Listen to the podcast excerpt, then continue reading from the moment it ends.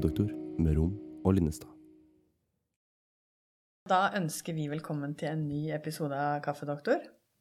Og da er det igjen eh, Kristin Lirom og Lina Linnestad som eh, inviterer en gjest. I dag har vi med oss Katrine Abrahamsen. Eh, Hun er fastlege på Nøtterøy, og vi er veldig spent på å høre mer om ditt doktorgradsarbeid. Kanskje du vil si litt om bakgrunnen din, Katrine? Ja, det kan jeg gjøre. Tusen takk for at jeg fikk lov til å komme. Det var veldig gøy. Tok litt, eh, jeg er jo en evig tidsoptimist, så i dette snøkaoset tok det jo litt ekstra tid. Men eh, det var veldig stas å komme inn her, da, på gamle Gaustad sjukehus. Jeg studerte jo på Rikshospitalet, så det var litt sånn gamle trakter. Ja. Eh, ja, hva skal jeg si, holdt jeg på å si. Eh, Du har jobbet som fastlege i hvert fall i mange år. ja, jeg har jobba som fastlege. Jeg er fastlege, føler jeg. Ja. Jeg har bare alltid vært fastlege. Jeg hadde egentlig lyst til å bli psykiater, sånn som deg, men eh, så ble det fastlege allikevel. Det er mye overlapp, da. Det er mye overlapp. Ja. Jeg er jo glad i folk. Men så Jeg har vært fastlege siden 2007, og så jobber jeg nå på Tinghauglegene. I nye, fine lokaler på et gammelt eh, Egentlig på Jippe, et gamlehjem som er eh, gjort om til bl.a. legekontor. Ja. Og så um, En av de uh, sakene du har holdt på mest med i det siste, er jo ditt kommunikasjonsverktøy, ISIT. Uh, som du uh, skrev en doktor... Eh, eller som hadde et doktorgradsarbeid om, som ble publisert i Lancet, faktisk. I, Det er ganske gjevt til å være forskning, kan man si. Det må man si. Så gratulerer så mye. ja, takk for det. For. Jeg må si at det er publisert av The Lancet av magasinet til E-Clinical Medicine, men det er jo ja, det er et høyt rangert tidsskrift. Vi er veldig stolt av det. Ja. Ja. Og det var i fjor høst. ja. Ja. Um, eh, og det handler jo om dette kommunikasjonsverktøyet. Kan du si litt om hvorfor du begynte å få ideen om å eh, jobbe med dette? Ja. ehm, det var vel egentlig det at eh, jeg opplevde at det var en stor gruppe pasienter som kom til meg, som jeg på en måte eh, opplevde at i og for seg likte å komme, men jeg lurte på om de blei noe bedre av det. Det var jeg i stor tvil om. Det hjalp ikke at legen var blid, liksom. Det, det var ikke noe, så mye helseeffekt i det. Ehm, og ofte så syns jeg synes det var spesielt vanskelig med sånn sykemeldingsarbeid. da. Syns ofte jeg endte med å gi en sykemelding som de noen ganger faktisk ble dårligere av. Og så tenkte jeg at da får jeg lære meg Jeg må liksom lære meg en annen måte å håndtere den gruppa på, og det er jo den gruppa med medisinsk uforklarte symptomer og plager, da. Det er det dere kaller MIPS i ja. allmennpraksis. Jeg må Ja. innrømme at jeg ikke hadde hørt om det før jeg møtte deg. Ikke før jeg møtte deg, da, Lina, før jeg møtte deg for veldig veldig lenge siden. Men det var du som introduserte meg til det begrepet.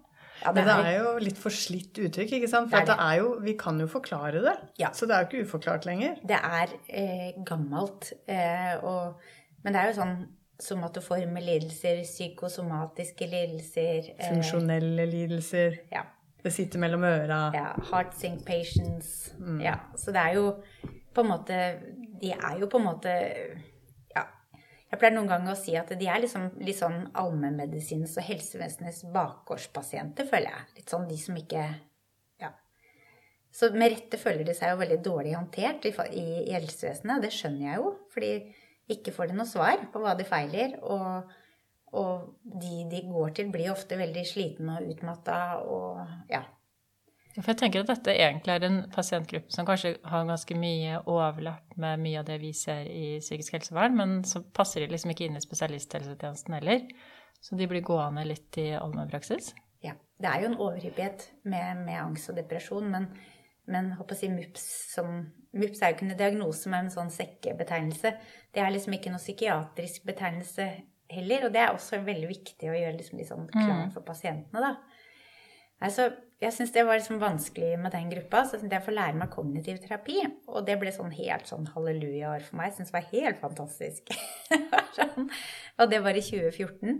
Um, og da Kan du var si litt hva det var du syntes var så bra med kognitiv terapi? Ja.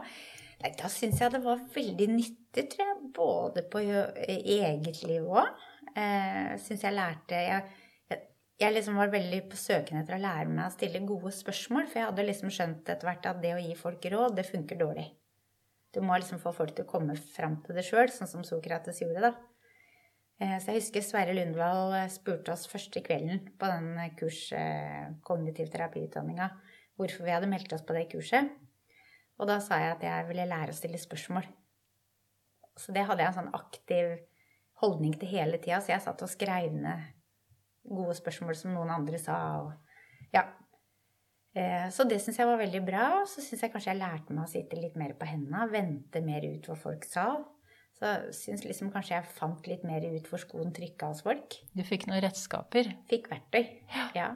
Syns jeg det var bra i eget liv òg. Jeg var vel litt sånn, nesten litt sånn ivrig at hun som er med her i dag, på 16, hun husker broren, han var vel 9. Han lurte på mamma, holder du på med kognitiv terapi med Milla Clara nå, liksom? var, var sånn, han hadde lært seg det så tidlig. Tatt på fersken. Ja. Så altså, det syns jeg var bra. Men så, så kom jeg tilbake, så erfarte jeg at den gruppa her, de, de ville liksom ikke ha kognitiv terapi sånn som en angstpasient eller mer Og i allmennpraksis så er det jo liksom ikke sånn Diagnosene flyter jo liksom litt over i hverandre. Um, Så da tenkte jeg at jeg skrev ned alle de kognitive arbeidsverktøyene jeg syns virka brukende. Og så hadde jeg en liten bok hvor jeg hadde alle spørsmålene. Og så testa jeg ut de spørsmålene på pasientene. Og så brukte jeg mine egne pasienter som Uten å tenke at jeg skulle drive med forskning noen gang, men bare sånn for min egen del. Forskningslaboratorium. Når jeg sier det til deg, er det et bra spørsmål? Er det, dårlig? ja, det, det syns jeg er bra. Og så brukte jeg det på en annen pasient. Så fikk jeg liksom en følelse av om det hadde en klangbunn, da. Skikkelig brukerinvolvering. Ja, rett og slett. Var litt ærlig med de og sa at jeg vil gjerne bli bedre på dette her. Så eh, stor takk til pasientene mine, faktisk. Og så um, plukka jeg ut de verktøyene som jeg syns funka, og de spørsmåla jeg syns funka. Og så er jeg altså gruppeveileder i allmennmedisin. Og de lurte også på hva de skulle si. Hva gjør vi? Ja, men du kan gjøre sånn så. Ja, men hva er det du sier? Og det var det jeg lurte på. Og så blei det til at jeg da lagde et vert, en oppskrift for de, egentlig, da. Og Så du begynte med veiledningen i allmedisin? Ja. Ja. Og så gjorde jeg, husker den første veiledningsgruppa, da hadde jeg med meg de inn på avdeling for allmennmedisin for å snakke om forskning i allmennmedisin, uten at jeg overhodet hadde tenkt å forske noen gang. Men jeg tenkte det var sikkert lurt hvis noen andre ville. Um, og så ble det sånn penn og papir eh, mini-mini-pilot, hvor vi gjorde over fire uker, så testa vi ut hvor mange ganger vi brukte det, og om det hadde noe effekt på sykefravær. Det var bare sånn virkelig sånn kryss av på ark, liksom. Og når du sier at du testa ut uh, ting, hva, hva var det da Hadde du da eh, systematisert det verktøyet, eller var det bare det I starten. Ja. Det var liksom først og fremst det verktøyet med problemliste, da. Det å skrive ned Først skrive ned alt av problemene, og så sortere, og så Ja. Så du lagde en struktur ut av den der lista, problemlista som pasienten hadde, Ja. og så begynte man å jobbe spesifikt med problemområder som man hadde prioritert. Ja. Og så gikk vi ganske sånn detaljert inn i det. Eh, for det er jo ganske mye pasienten ikke kan gjøre noe med, eller ikke kan gjøre noe med. Så ble det sånn Ja, hva dette ville vært lettest for deg å begynne med? Ja, nei, kanskje eh, å gå tur. Ja, når skal du gå tur? Eh, for ofte var det sånn Ja, ja men så fint, da. Da går du tur, da. Og så Eller jeg vil bare bli litt sprekere. Ja, men da bare begynner du å trene. Det er sånn veldig løse mål. Det blir, blir for løst. Ja. Så da, og så er jeg litt sånn Jeg er litt Har jo et ganske travelt liv med fire barn og hund og mann og Så jeg er veldig glad hvis jeg kan gjøre Jeg er veldig redd for å kaste bort tid. Altså sånn ekstraarbeid. Så fant jeg ut at hvis jeg da snudde skjermen mot pasienten, sånn at vi satt og samarbeida om å lage den lista, så var jeg da pasientens sekretær. Og så var det ja, når skal du gå tur? Ja, kanskje onsdag. Ja, når på onsdag? Før eller etter middag? Og hvem skal du gå tur med? Og så ble det sånn detaljert aktivitetsplan, da. Som jo er atferdsaktivering. Jeg, jeg tror det er mye av det som er fordi at jeg kjenner meg så veldig godt igjen i veldig mye av dette arbeidet du har gjort. Med hvordan man kartlegger, hvordan man um, forklarer uh, hva som skjer. Hvorfor uh, Ja, bare sånn som du sa, vi må passe på å få dem til å forstå at MUPS er ikke psykiatri. ikke sant? Og få dem til å få et begrepsapparat rundt hva som skjer i kroppen ved stress, f.eks. Men det detaljnivået du har på sånn Jeg så en av pasientene du hadde hatt, hvor det er sånn lage smoothie til barna to morgener i uka. Ja. At, at du er helt ned på sånn så detaljene. Det tror jeg er utrolig nyttig. Altså, der har jeg masse å lære. fordi jeg tror Jeg er veldig på den derre Ja, ja, gå turer, det er bra for deg, liksom. det, er ikke, det, er ikke det, det, er ikke detaljert nok. Nei, og så er det det at hvis ikke I den første studien vår så testa vi jo Var det åtte fastleger som lærte seg dette Eller vi lærte opp åtte fastleger i dette samtaleverktøyet. Og så testa de det ut på 49 pasienter med MUPS, da. Og så var det var en såkalt kvalitativ studie hvor vi samla de to fokusgrupper. Og spørsmålet var er det brukende, som vi sier i Vestfold, eller ikke. I norsk allmennpraksis. Mm. Og så gjorde vi analyser av det og fant ut at de legene følte seg veldig flinke, for det, det skjedde noe i konsultasjonen. De fikk frem nye sider ved pasientene, og de hadde, det ble en behandling, da. For hele poenget med den aktivitetsplanen, når den er ferdig skrevet, så, så er det trykke på print-knappen, og vær så god, og takk for i dag. Så EaSIT er liksom et samtaleverktøy fra velkommen til takk for i dag, da. At legen er også ferdig når pasienten reiser seg fra stolen. Mm. Og du kalte det ESIT. Hva er det forkortelse for? Ja, det står for eh, I står for Individual eh, Challenge Inventory Tool. Altså et verktøy for legen til å hjelpe individet med dens beholdning av utfordringer, da. Eh, og så hadde vi egentlig tenkt å kalle det for Patients Challenge Inventory Tool. og så var det faktisk mannen min som sa ja, men Katrine, du har jo alltid sagt at ikke du har egentlig pasienter. Du har folk på kontoret, og det er det du liker. Jeg syns det skal være individual. Så det er faktisk han, da, som eh, Så bra, så fin tanke. Ja. Så det, det, det, er liksom ikke noe For det er jo folk som kommer inn med vanlige klær og vanlige problemer. Det er jo det vi har. Og det er som du sier, man kan jo benytte seg av dette her i alle mulige sammenhenger. Ja. Det trenger jo ikke være en, en pasient-legesituasjon. Absolutt ikke. Det er egentlig bare å få alle ballene ned på papiret, alle problemene. Forsøke å sortere, sortere dem. Så du kan si EaSIT er jo litt mer enn en akkurat det vi snakker om nå. For det er jo også et arbeidsfokusert kognitivt verktøy hvor vi bl.a. lager en aktivitetsplan for jobb, da. Hvor det er fem spørsmål i den menyen som da er utvikla for å finne ut hvilke mulighetene pasientene faktisk ser til å jobbe, eller har til å jobbe. Og det er jo det var jo det som kanskje gjorde at vi Vi var jo veldig overraska at vi fant så Jeg vet ikke om vi skal komme tilbake til det etterpå, jeg. Men resultatene. At vi fant det så stort stor endring i sykefravær. Absolutt. Men jeg tenker det er kanskje det fint at du uh, si litt mer om det. Fordi uh, det var jo nettopp det å se ressurser og ikke begrensninger. Uh, hvorfor er det viktig, eller hva har dine tanker vært rundt det? Ja, for sant, Når pasientene kommer, så sier de jeg trenger en sykemelding. Jeg klarer ikke jobben min. Jeg klarer ikke det, og jeg orker ikke det. Og det er jo, den, det er jo helt sant at de føler det sånn. Jeg tror ingen kommer og skal lure meg, eller Altså, de kommer jo fordi at de virkelig Det har gått ganske lenge, tenker jeg, nå før du kommer og ber om en sykemelding. De aller fleste, i hvert fall. Da har de prøvd en stund. Eh, og da, da er de spørsmåla lagd sånn at det, pasienten liksom tvinges litt til en slags refleksjon, da. Eh, så si, valider, valideringa for det som vi kaller for jobbliste, er jo det vi kaller for kognitiv omstrukturering. Hvor vi liksom prøver å teste ut gyldigheten av at 'jeg kan ikke jobbe'. Leite etter bevis for hvorfor ikke du kan det. Og det er ganske utrolig. Og da gjør vi det akkurat på samme måte. De fem spørsmåla. Og så svarer pasientene på det. Og så blir det også en samme, like konkret, da. Um, For da leter dere på en måte etter uh, grunner til at man ikke kan jobbe, men også synliggjøre ting som kan gjøres? Egentlig så er den lista kun etter hva pasienten tenker er mulig. Ja, riktig. Sånn som Jeg kan jo ta et eksempel. Jeg hadde en pasient mm. på fredag. Eh, en mann som var veldig små barn og kjempesliten og Ja, det var mye som livet er. Jeg syns jo det er tøft å leve. Mange krav og ja. Det er sikkert en annen podkast. Men eh, og, og, så var det liksom Så hadde han egentlig begynt i Han var, var ganske fersk i jobben, og jeg skjønte jo fort at her kunne det gå mot et sånt litt sånn langtidsfravær, for det var ting i hans liv som jeg skjønte at det var ikke over på et blunk, på en måte. Eh, og så spurte jeg men du, hva ville vært mulig da på jobb? sånn som du har det nå? Selv med de plagene. Jo, nei, hvis jeg da kunne f.eks.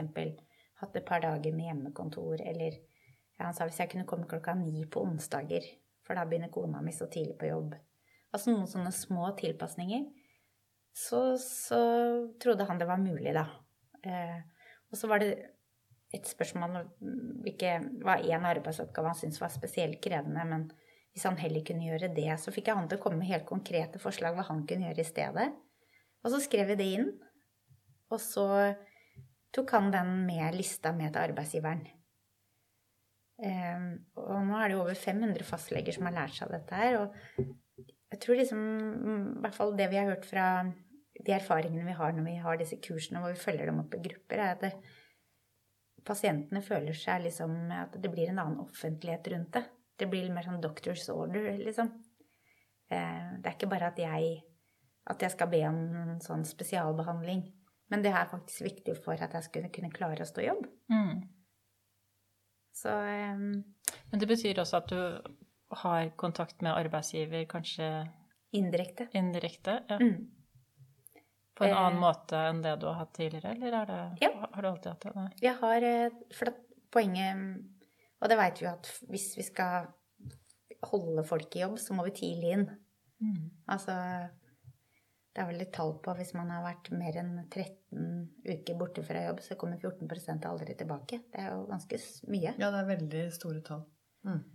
Sånn at Og så er er det også vist at Jeg trodde jo at bare pasientene følte seg bedre, hadde mindre symptomer, følte seg mindre deprimerte og slitne, så kom det automatisk tilbake til jobb.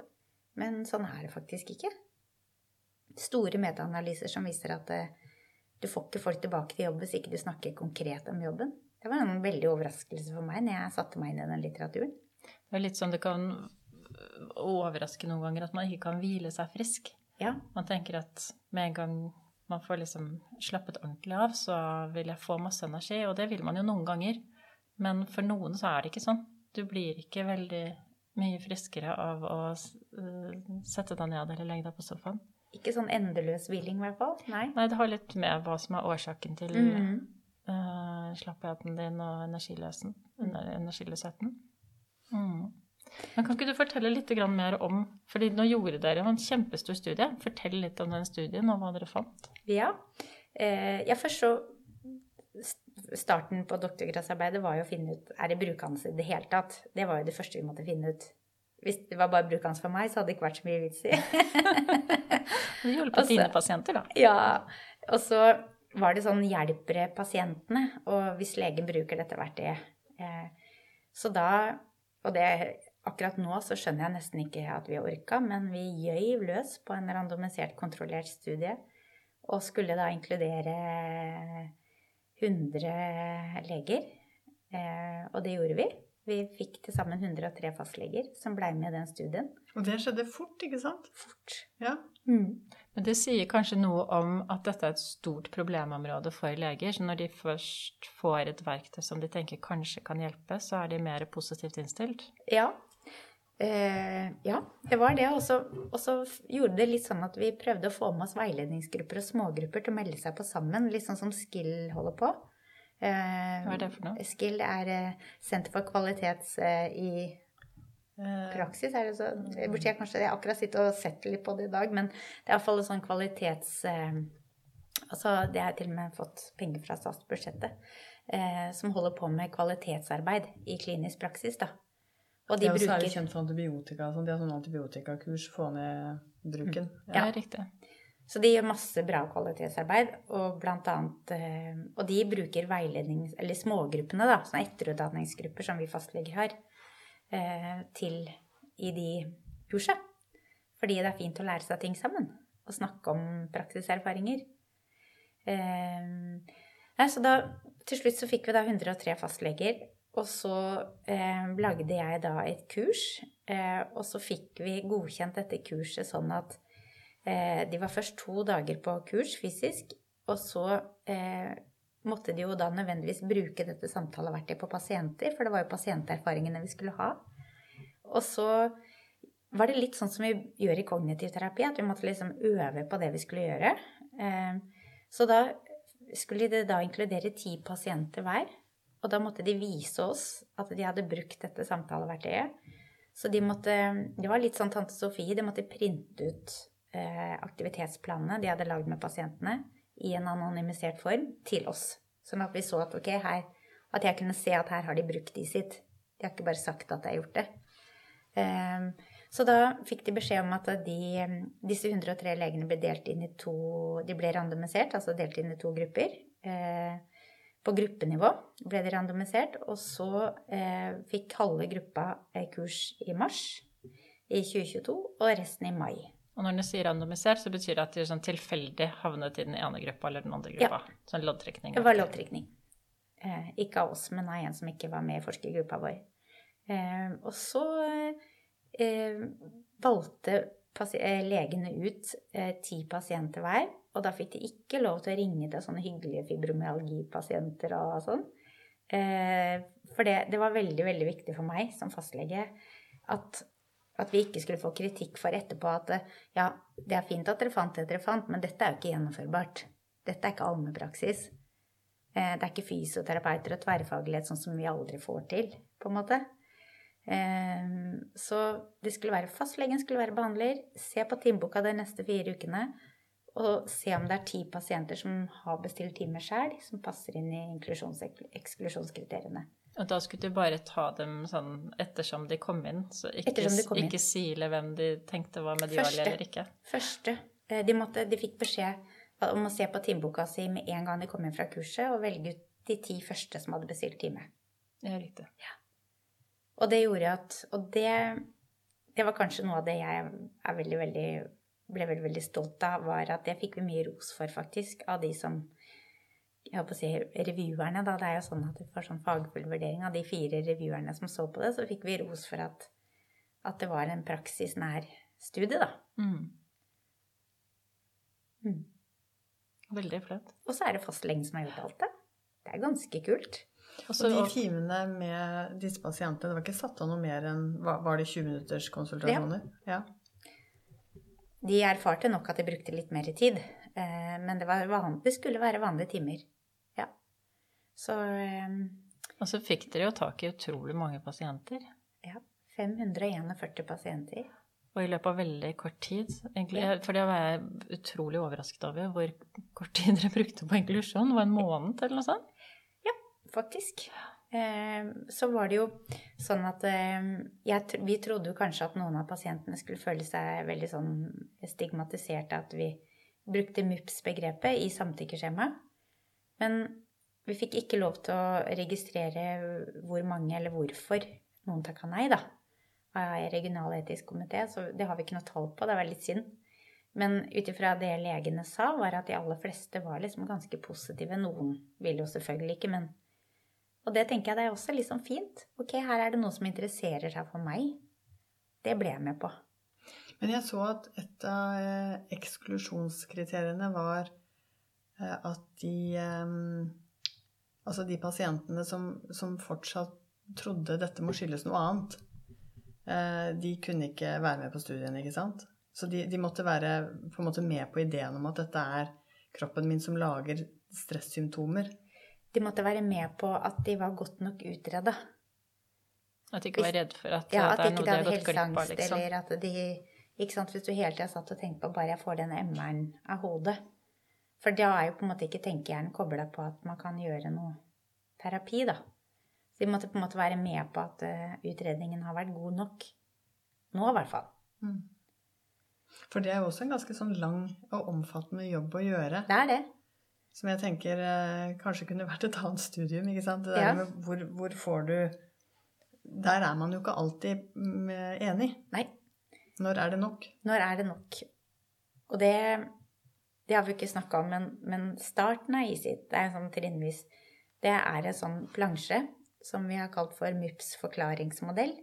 Det er forferdelig navn MUPS, men det er noen gang det vi har brukt i forskning. Så, og det er egentlig en sånn veldig enkel, banal tegning som viser hvordan langvarig eh, stress aktiverer kroppens stressresponser og påvirker kroppen. Så den har jeg liksom utvikla ut ifra de, det vi veit om MUPS, da. Sånn CATS-modellen og allostatisk overbelastning og mange vanskelige begreper som jeg ikke kunne så mye om før jeg begynte å Så dette lærer legene ganske mer inngående på kurset, da. At det er ikke uforklart, som du sa, Lina. Det er, Vi veit mye. Så den tegningen, den får pasientene med seg hjem. Den har legene liggende i en kopibunke på pulten sin. Mm. Så når eh, pasientene er med på det, vi spør liksom, gir denne forklaringen det er mening, og de fleste faller på plass da, og de som ikke gjør det, så må man gå en runde til. Og det er jo ofte bra som lege å vite at nå, jeg, nå vet jeg at denne pasienten er godt nok utreda. I hvert fall nå, hvis ikke det kommer til noen ny. Det er også en god følelse som lege. Da kan du liksom gå videre med andre ting. Mm. Så det er også første trinn, da. Er å gjennomgå journalen og vite at pasienten er godt nok utreda. Vi kan jo kanskje føye til litt i forhold til hva slags symptomer vi snakker om. For dere gikk etter noe som heter Robins list. Ja. Kanskje du kan fortelle litt hva det er også? Ja, det er egentlig en liste eh, av de mest vanligste symptomene. Altså det er svimmelhet, hodepine, utmattelse, eh, vekslende hard og løs avføring. Eh, jeg vet ikke om interstitiell cystitt står der, men det er i hvert fall masse forskjellige, litt sånne diffuse symptomer, da. Og så er det, men det rare er at Og det har jeg liksom erfart litt i egen praksis. Og nå har jeg en del, fått en del nye pasienter på det kontoret jeg er på nå. Da da bruker jeg den modellen sånn vi sjøl i starten. Og det er liksom når, når, vi liksom er enige om at det er Ok, men var en pasient som sa men nå er jeg plutselig varm på hendene mine igjen. Jeg har vært kald på hendene i fire år. Eh, ja, det er kanskje et tegn på at den automatiske, altså dette med overaktivt nervesystem, er i ferd med å nedreguleres. Og så hadde hun vært på et eller annet sted og sa hun, å, det var så rart, for da var jeg kald på henda en uke etter det. Hvorfor det? Jeg var jo ikke stressa. Men er det at kroppen husker et eller annet. Så da, det at de lærer seg sjøl til å kjenne igjen hvilke kroppssymptomer som de skal ta som et varsko på at nå tar jeg to steg tilbake, eller Prøver å skjønne hva som skjedde. Hva skjedde nå? Det syns jeg også. Jeg bruker mye tid på det med at folk må bli kjent med kroppens det er jo ganske store individuelle variasjoner ja. hva, hva, kroppen streiker med, på en måte. Noen får mest fra magen, noen får fra hodet, noen får huden. Det er liksom så eh, Man må lære hvor eh, akilleshælen er, på et vis. Jeg syns ofte folk veit det. Synes ikke Hvis du spør pasienten hva er det du får? Ja, jeg syns også ofte de vet det. Ja. Men det er jo noen som er veldig redde da for at det er noe farlig ja. likevel. Så, og den der som vi for så vidt snakket om litt innledningsvis, det med å um, Det er fortsatt ganske mange som lever med en sånn opplevelse av at enten så er det en fysisk sykdom, eller så er det psykiatri. Og det er så utrolig langt fra sannheten. Så det å, å, å få, den, få, en sånn god forståelse av hvordan dette henger sammen uten at man uh, er psykiatrisk syk, på en måte. Ja, og det, det, er nok eh, i hvert fall det er den erfaringen vi har fått fra disse legene som har gått på kurset, at når de bruker den forklaringsmodellen, så holder vi oss utenom vi, skriver, vi holder oss utenom psykiatriske betegnelser. Vi forteller at hjernen tolker dette her som fare, samme hva den faren er. Om det er sult eller sykdom, eller om det er eh, relasjonelle plager. Men fare er fare, liksom, for hjernen. Og så og det tenker jeg er liksom litt viktig, for at noen av disse pasientene føler seg ofte litt sånn pysete. At ikke de hvorfor, hvorfor, er jeg syk i to måneder, liksom? Mannen min er forkjøla, han blir frisk, og jeg, da er jeg syk i to måneder. Jeg tåler jo ingenting. Forklare de liksom at nei, det er kanskje ikke så rart, for du, du har en vekt som så vidt holder balansen. Og da er det liksom to gram på den ene sida, så er det jo balanse. Og da påvirkes kroppen. Da blir du sjuk. Er det, er det noen forskjell mellom kvinner og menn? Det, det vet sånn grovt sett, liksom? Nei. Fordi jeg så i studien deres, så er det jo flere kvinner som er inkludert enn menn. 84 eh, kvinner. Eh, det er vel kanskje med at kvinner går mest til fastlegen, jeg vet ikke. Mm. Ja, de, det er jo flere som er registrert f.eks. med fibromyalgi og ja. Ja. Det er vel flere ME-pasienter blant kvinner og ja. Jeg husker ikke de tallene. Mm. Nei, ja, um, det, den derre norsk offentlige utvalg, er ikke det heter? Denne NOU-en om kvinnehelse som kom i fjor. Så, så, ble jeg spurt om jeg ville skrive litt om samtaleverktøyet i sitt der, da. At de, MUPS er jo ikke en kvinnesykdom, men det er liksom allikevel flest kvinner, så jeg vet ikke om det går litt på det, hvordan belastningene setter seg i kroppen, eller Mm. Det har jeg ikke noe sånn forskning på. Men det er ikke noe kvinnesykdom annet enn at det er en erfaring, kanskje, da. Ja. At det er flest kvinner. Jeg vet ikke. Men fortell litt hvordan det gikk da, når dere brukte verktøyet. Ja. ehm, nei, vi, da hadde vi jo mange, mange spørsmål, og jeg må si jeg er så imponert over eh, disse pasientene som fylte ut og fylte ut både før og etter. Eh, og da eh, undersøkte vi bl.a. hvordan det gikk med selvoppnevnt eh, celleopplevd funksjon og symptomer og livskvalitet. Og da fant vi en forskjell mellom der hvor legen hadde brukt ISIT og de som hadde fått vanlig behandling. Eh, at 78% følte da mer, bedre funksjon, mindre symptomer og bedre livskvalitet sammenlignet med 38 enn andre Det er ganske stor forskjell. Stor forskjell, ja. Og så var det også ganske stor effekt på sykemeldinger. Ja, og så undersøkte vi, eh, og det, det, det turte vi nesten ikke å sette opp som et utvalgsmål. For det har faktisk ikke vist at det har vært noe som har hjulpet før. Så vi eh, men, altså, det hadde dere ikke som det primære Nei, utfallsmål? det var ikke primære. For det er jo litt spesielt med sånn randomisert kontrollerte studier. Du må velge liksom én ting du ser nøye på. Ja, hovedutfallsmålet vårt var funksjonssymptomer av livskvalitet. Ja. Ja. Så, men så fant vi at det var 27% reduksjon i sykefravær på, i den ISIT-gruppa versus 4% i den andre. Altså kjempestor forskjell. Så du har din egen byste på Navs hovedkontor. ja, det har jeg nok ikke. Veldig berømt av deg.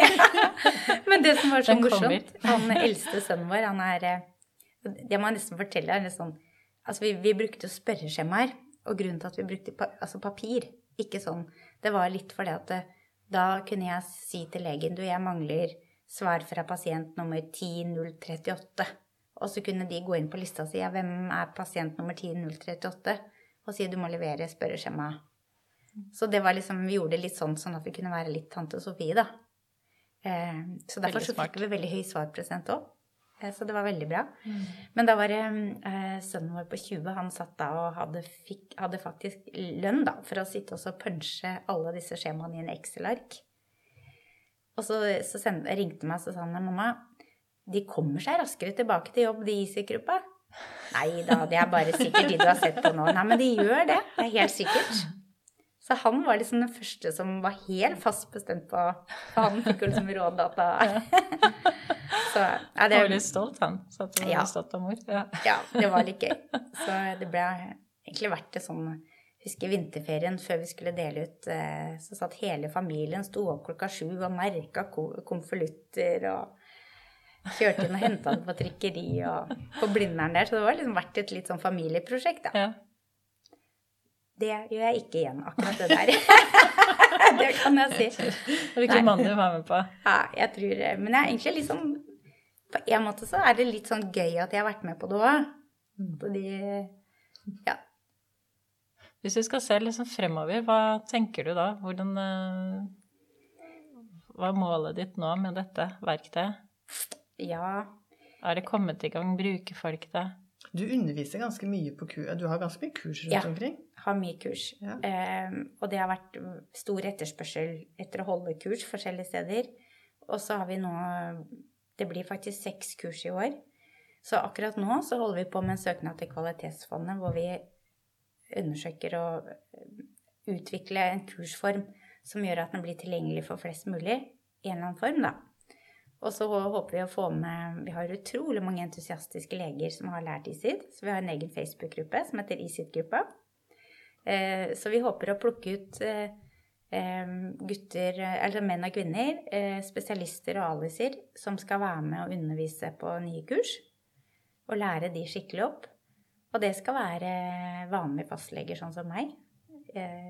Fordi vi tror at fastleger lærer best av fastleger. Ja. Og Alice, vi kan jo bare si, for det er allmennleger i spesialisering. Bare sånn at det ja. Allmennleger i spesialisering. Men dere har jo sett på dette verktøyet spesielt for MUPS-pasienter. Um, For det første syns jeg det er utrolig imponerende at du, du har utviklet en hel metode av alene, holdt jeg på å si. Og bare, ut, bare hele prosessen er jo helt fantastisk. Veldig, veldig morsomt. Eh, Men tenker du at dette kan være brukbart på andre grupper? Ja. For Det det er jo noen sånn veldig generiske, grunnleggende ting her. Ja. Det er absolutt Det er transdiagnostisk. Det er lettere å bruke det på ikke-MUPS-pasienter. Eh, men det er MUPS-pasientene som trenger oss mest. For de har, har vi ikke hatt noe konkret metode for. Og det er der vi trenger verktøy mest. Så derfor så er det spesielt skreddersydd for den pasientgruppa, da. Men i psykiatrien må det være veldig bruk for det også? Ja, for jeg tenker vi, vi sliter jo med uh, også å få til aktivering. Uh, og det gjelder jo både pasienter med depresjon, men også pasienter med psykose som uh, og, og det er jo mye av de samme teknikkene. Jeg kjenner jo veldig igjen det der med å lage en veldig detaljert liste over ting man skal gjøre. Men det å ha et liksom verktøy som ser så skal man si, enkelt å ta i bruk, og krever såpass lite opplæring, Uh, så hadde du veiledningsgrupper også underveis, hadde dere ikke det? Ja, så kurset er lagt opp sånn at de er to dager på kurs. Ja. For at en, den første halve dagen så får de mye informasjon om hva er egentlig MUPS. Hva Riktig, så vet handler om disse? mest om Ja, og det er faktisk det er, det er vi veldig opptatt av å opprettholde kvaliteten på den.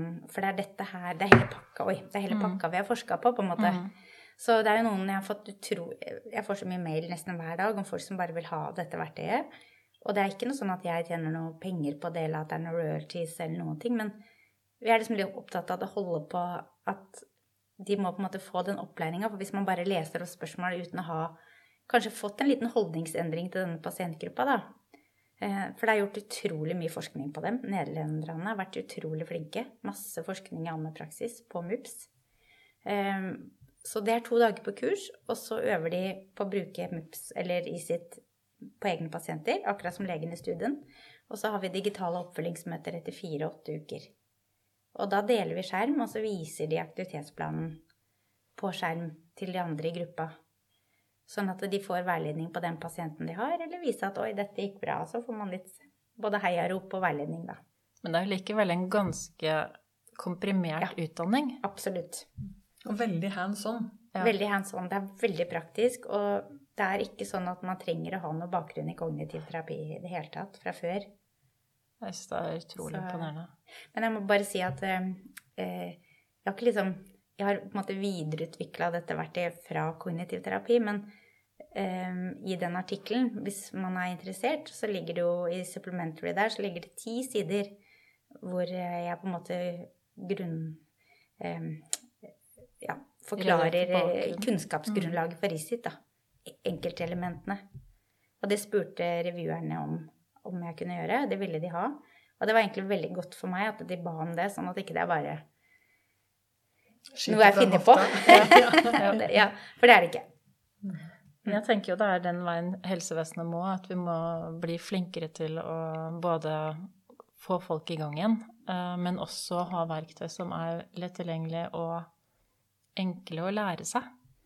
Eh, Jeg la også merke til, eh, som bare har lyst til å spørre deg eh, om av nysgjerrighet, men dere brukte en del rollespill Ja. under opplæringen. Ja. For jeg har fått mer og mer tro på det, både simulering og rollespill, som vi ikke har brukt så mye i psykiatri, men man har brukt det mye i somatikken. At det er en veldig effektiv måte å lære på.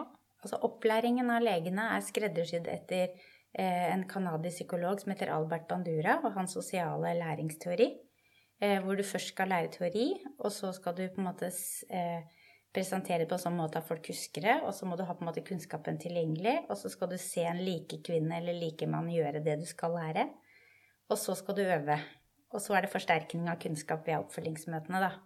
Så vi har liksom hatt en hel sånn plan for opplæring, og da i den eh, rollespillet så ser de på videoer på kurset, hvor jeg har tatt opp video på mitt kontor med en kollega, eh, hvor vi viser enkeltelementene av ISID.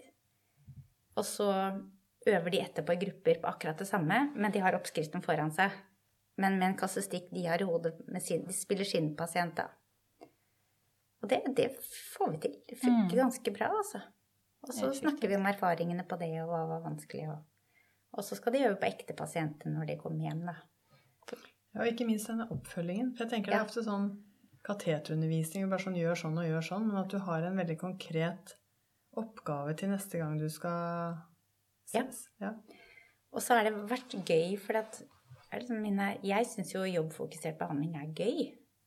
Når noen kommer inn, syns jeg det er kjempegøy å få vite hva folk gjør på jobben. Hva kan de gjøre, hva kan de ikke gjøre. Eh, jeg har full oversikt over mange yrker. Eh, og så er det sånn folk Og det er så overraskende. Folk veit alltid best hva de kan gjøre sjøl. Det er en veldig proaktiv måte å gjøre det på. For jeg, det tenkte jeg også på i sted da du snakket om det med hva kan du gjøre på jobb? Jeg må innrømme at jeg litt for ofte har en sånn dialog med pasienten hvor de sier 'jeg skal snakke med sjefen min til uka'. Da kan vi finne ut av hva, hva jeg kan gjøre. Og så har vi en oppfølgingssamtale etterpå hvor de har hatt den samtalen med arbeidsgiver. Ja, det er feil vei. Det er feil vei, ikke sant? Så da har jeg gjort det helt omvendt av det du egentlig presenterer nå. Ja, da går tida litt. Ja. Og så er det det at det, Så pleier jeg ofte å si til pasienten at det, For jeg vet ikke om du er enig i det, men de fleste pasienter vil jo ikke være sykemeldt. Det er jo ikke sånn De, føler seg de, de tror det er den eneste løsningen, da, på problemet deres. Ja, det er jeg helt enig i. Og det tror jeg er så feilaktig at det er noen som mistenker dem for å være Ja, late eller giddalause, eller folk vil være i jobb. altså de er jo Tårene renner jo bare de setter seg ned. De er jo fortvila over å ha det tøft, liksom. Så det å Og da si Men du, tror du denne planen nå er gjennomførbar og realistisk? For det er legens oppgave, da. Det, det, det kan alle som har gått på ISIL-kurs. Uten at Er det gjennomførbart? Er det realistisk? Det er samme hva som står på den planen, bare det blir gjort. Det kan stå 'kjøpe gulrøtter'. Stryk over. Da er det gjort. Altså, for å være helt banal, da. Sånn at eh, det der med å gjøre det samme på jobb, da. At man sørger for at det blir mestring. Og det å si liksom Men du, når du tar med den jobblisten hvor du sier at nå har jeg vært hos fastlegen min, og jeg trodde kanskje jeg trengte en sykemelding, og jeg fikk en sykemelding for denne uka her, men fra neste uke så tenker jeg at jeg kan jobbe. Eh, For jeg hadde en jobbprat med legen min, og her er det vi kom fram til. Så har på en måte du Da har du på en måte gjort arbeidsgiverens jobb. Så du spurte hva jeg tenker i fremtiden. Jeg er også veldig interessert i å tenke hva arbeidsgiver Jeg tenker den jobblista kunne vært gjort på jobben, da. Mm. Må ikke være gjort hos oss. Så spennende. Da må du fortsette å forske, da. Ja. Selv om du føler deg primært som en allmennlege. Det er jeg. Jeg skal alltid være fastlege. Ja. Men eh, det er vel på tide å runde av, Katrine. Det var utrolig hyggelig at du ville komme til oss. Det Tusen takk. Spennende å følge deg fremover også. Og jeg kommer gjerne på kurs. Ja, det håper jeg. Det må du. Ja, men tusen takk.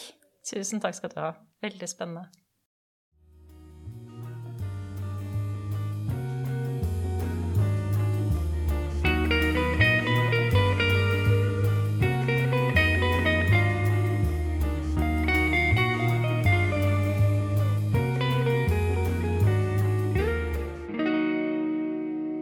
Kaffedoktor med Rom og Linnestad.